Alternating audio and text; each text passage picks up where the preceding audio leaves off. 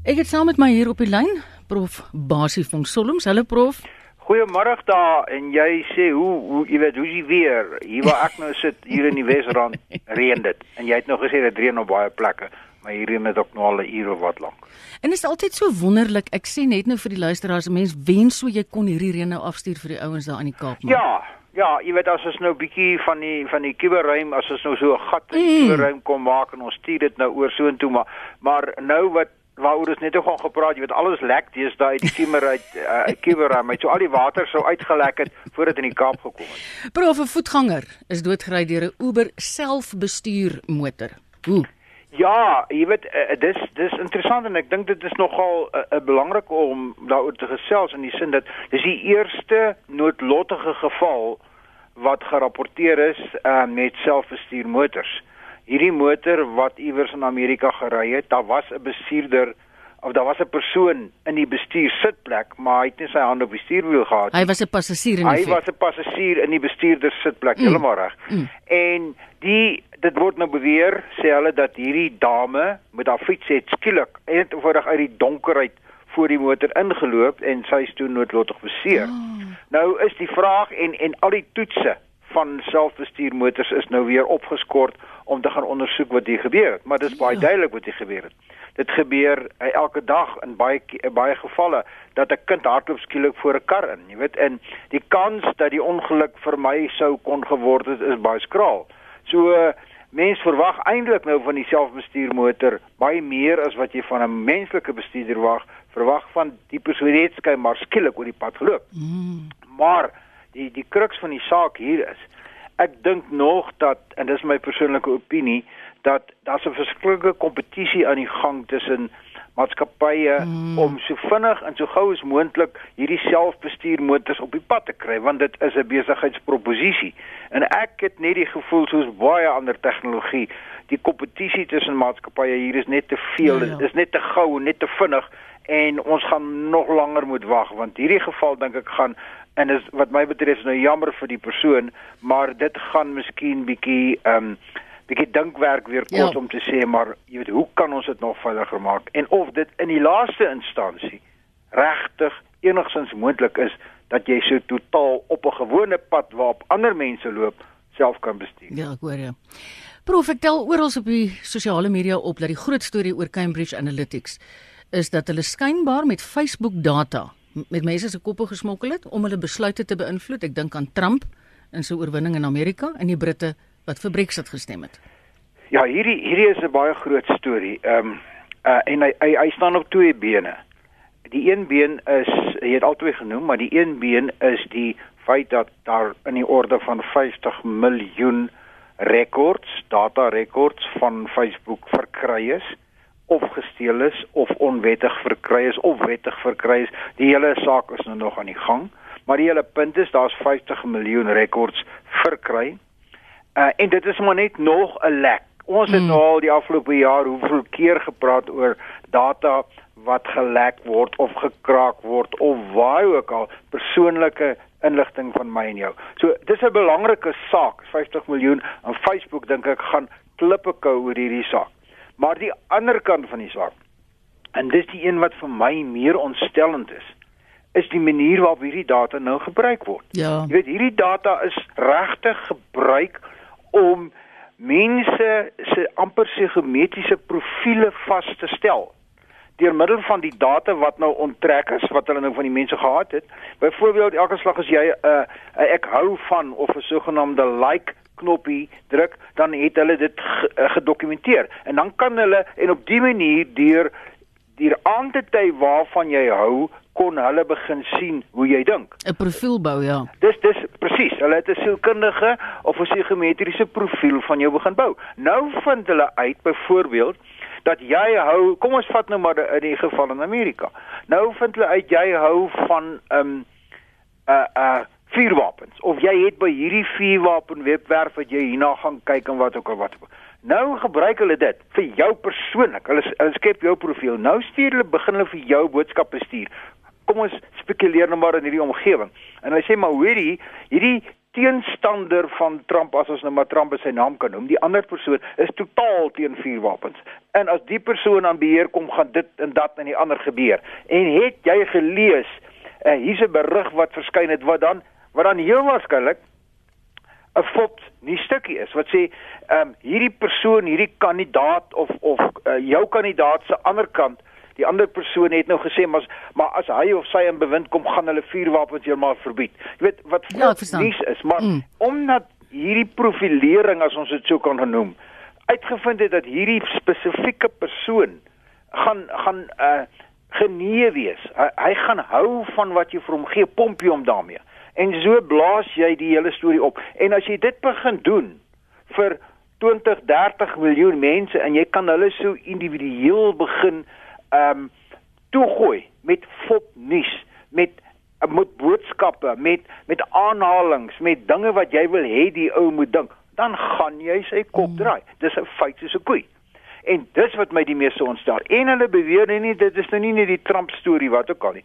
Maar hulle beweer ook dat dit het ook in Brexit gebeur. En nou sien ek dat die Keniaanse regering, jy sal onthou verlede jaar of voor verlede jaar was daar die storie gewees dat met die Keniaanse regering uh ver, uh, regeringsverkiesing was daar ook 'n kubermisdaad gewees by die ja, ja. verkiesing. Ja, ja. Nou begin hulle sê dat hierdie Cambridge Analytica was daarbey ook betrokke. Jy weet en dit begin nou ook uitkom dat Cambridge Analytica het sterk bande gehad met ja. ehm ja. um, met Rusland. Nee man. Hulle ook met Rusland dinge gedoen het en wat daai dinge het nou weer deur hulle teruggekom en dit het hulle gehelp om hulle hulle rekenaarprogramme meer ehm um, aan te pas en gereed te maak en amper te snoei om presies te doen wat hulle wil hê. Dis nogal angswekkend, né, prof? Ek moet jou sê, ek ek moet jou raad. Dis hoekom ek sê, die die die die lek van die data, uh, dit gaan groot probleme wees vir Facebook. Maar hierdie ding, ja, ja. hierdie ding bekommer my verskriklik. Weet jy, en en miskien is ek weer paranoïes soos wat ek nou maar altyd is. jy moet weet as ons klaar met jou gepraat het, is ek en Amore gewoonlik daarmee heen. As ek voorstel, ons het volgende jaar 'n reuse verkiesing in hierdie land. Ja. Verskriklik belang. Belangrik. Jy weet, wat is die potensiële stroom afgevolge van hierdie ding? Hierdie maatskappy is so gesofistikeerd. En nou ek dink hulle hmm. hulle gaan heel waarskynlik ook uh, groot probleme optel want uh, maar dit is so moeilik om hierdie goed te bewys. Maar ek is bang dat uh, vergeet nou van die verkiesings en van die ding dat dat ons later so um geteken gaan word dat ons daar so met ons koppe gesmokkel kan word dat selfs wat wat bemarking betref dat die bemarkingsmaatskappye hierdie selfde tipe nou ons praat nou van kunsmatige intelligensie ons praat van groot data ons praat van masjien leer waar jou rekenaar algoritme program later so slim is dat dat hy slimmer is as die mens want hy kan nou tre uh, neigings begin raak sien wat die mens nie kan raak sien. En op die end word ek en jy gekondisioneer om daai groen motorkar met die geel wiele te koop of jy dit nou wil ja, doen dit ja, ja, of nie, mm. maar ons koppe word verander en dit is vir my ongelooflik ontstellend. Prof, ons het nou net 'n paar 'n paar minute, maar ek wil jou tog vra, kan 'n mens dit in so kort tydjie beantwoord? Kan Apple nou makliker gekraak word? Hierdie is ook 'n baie interessante geval. Uh die antwoord is wat my betref ja. Mm. Daar was nou 'n baie interessante berig wat verskyn het van 'n maatskappy wat 'n um, 'n toestel ontwikkel het. Hulle noem dit Grey Key. En dis 'n toestel waarin jy gewoon 'n selfoon inprop. Jou jou jou iPhone prop jy daarin. En binne 'n paar minute dan kom hy terug en hy sê vir jou hierdie is die sleutel die die die uh toegangssleutel vir hierdie foon. Jy sal onthou 'n jaar of twee gelede was daar die geval gewees in Amerika waar een of ander persoon terroris ou uh 'n iPhone, uh, iPhone gehad het en en die FBI wou wou inkom. En Apple het net gesê jammer ons gaan dit nie vir julle ja, doen nie. Gaan nie vir daai daai sleutel gee nie. Dit was in die nuus ja. Ja, dis dit was 'n groot saak geweest. En uiteindelik het, het die FBI dit reg gekry. En wat sê dit? En dis wat hierdie berig nou sê en hierdie berigte wat begin skyn dat daar is 'n agterdeur in Apple se se programmatuur in hulle bedryfstelsel waardeur hulle beheer kan hê oor die foon. Hulle kon dus daai sleutel vir die FBI gegee het as hulle wou. Maar dit beteken iemand anders wat uiteindelik het die FBI daai foon ontsluit ja. sonder Apple se hulp. Hulle het 'n derde party gekry wat hulle gehelp het om te doen, om dit te doen. En daai derde party moes dus nou hierdie uh agterdeur in die ja, in die ja, ja, ja. in die programmatuur gekry mm. en nou hierdie masjienkie, hierdie toestel lyk my buit dit nou uit. En die die berig wat ek gelees het sê tot en met die nuutste iPhone 10 het hulle gewys daar's gevalle studies waar hy binne 2-3 minute het hulle sy sy uh, sy sleutel of dan of jy nou jou uh jou vingerafdruk of jou uh, jou gesig of wat ook al gebruik het. En, en dit sê maar net weer vir my en vir jou een ding. Moenie, jy kan nie die tegnologie vertrou nie. Of nee. dit nou 'n selfbestuur nee. motor is en of dit nou jou mees geliefde sosiale netwerk is waarmee jy praat en of dit jou party is wat waar, waar, waarvoor jy so lief is en of dit nou jou selfoon is. Jy kan nie meer dit vertrou nie want dit word gemanipuleer. Ons beweeg in 'n samelewing in. En hmm. en dit is wat ons al meer en meer gaan sien en ons sien dit nou al reeds by ons kinders ook. Beweeg in 'n samelewing in wat ons later nie meer weet gaan weet. Wat is wat is waar en wat is onwaar nie. En, en ek is nie 'n sielkundige nie, ek is nie regsgeleerde nie, maar ek begin al meer oor hierdie goed dink en bekommerd wees en ek hoop die luisteraars raak bekommerd daaroor, maar uh, ja, maar op 'n plek moet ons ook wakker slaap. Maar jy, jy sê dit maar reg.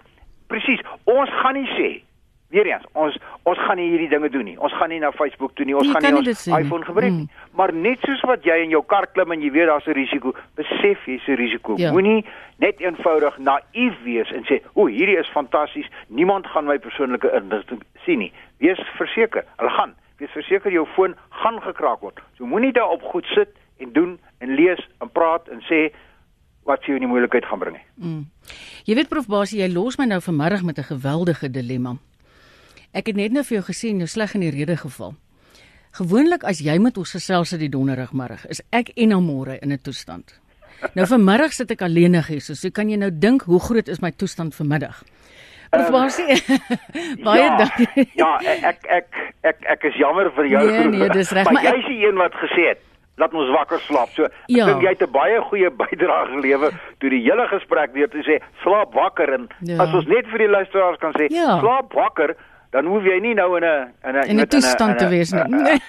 Jy series te raak nie. Slaap net wakker en en gee vir ons mooi musiek. Jy praat altyd baie interessant. Ons waardeer jou insig en jou kennis prof. Ons praat weer volgende week. Van die beste tot Lekker volgende aand, keer. Mooi bly. Totsiens. Dis professor Basie van Solms. Hy het 'n verskriklike titel. Ek en Amor het al gepraat. Hy is van die ouens, hy's van die Akademie vir Rekenaarwetenskap en Sagte Ware Ingenieurswese by die Universiteit van Johannesburg. Maar hy's van die ouens wat met wat ons moet bel, wat ek dink ons al op die snaakste plekke in die wêreld met hom moet skakel. Maar dit gee my gemoedsrus as ek weet 'n Suid-Afrikaner moet raad gee in buitelandse plekke as dit kom by die vakonderwerp.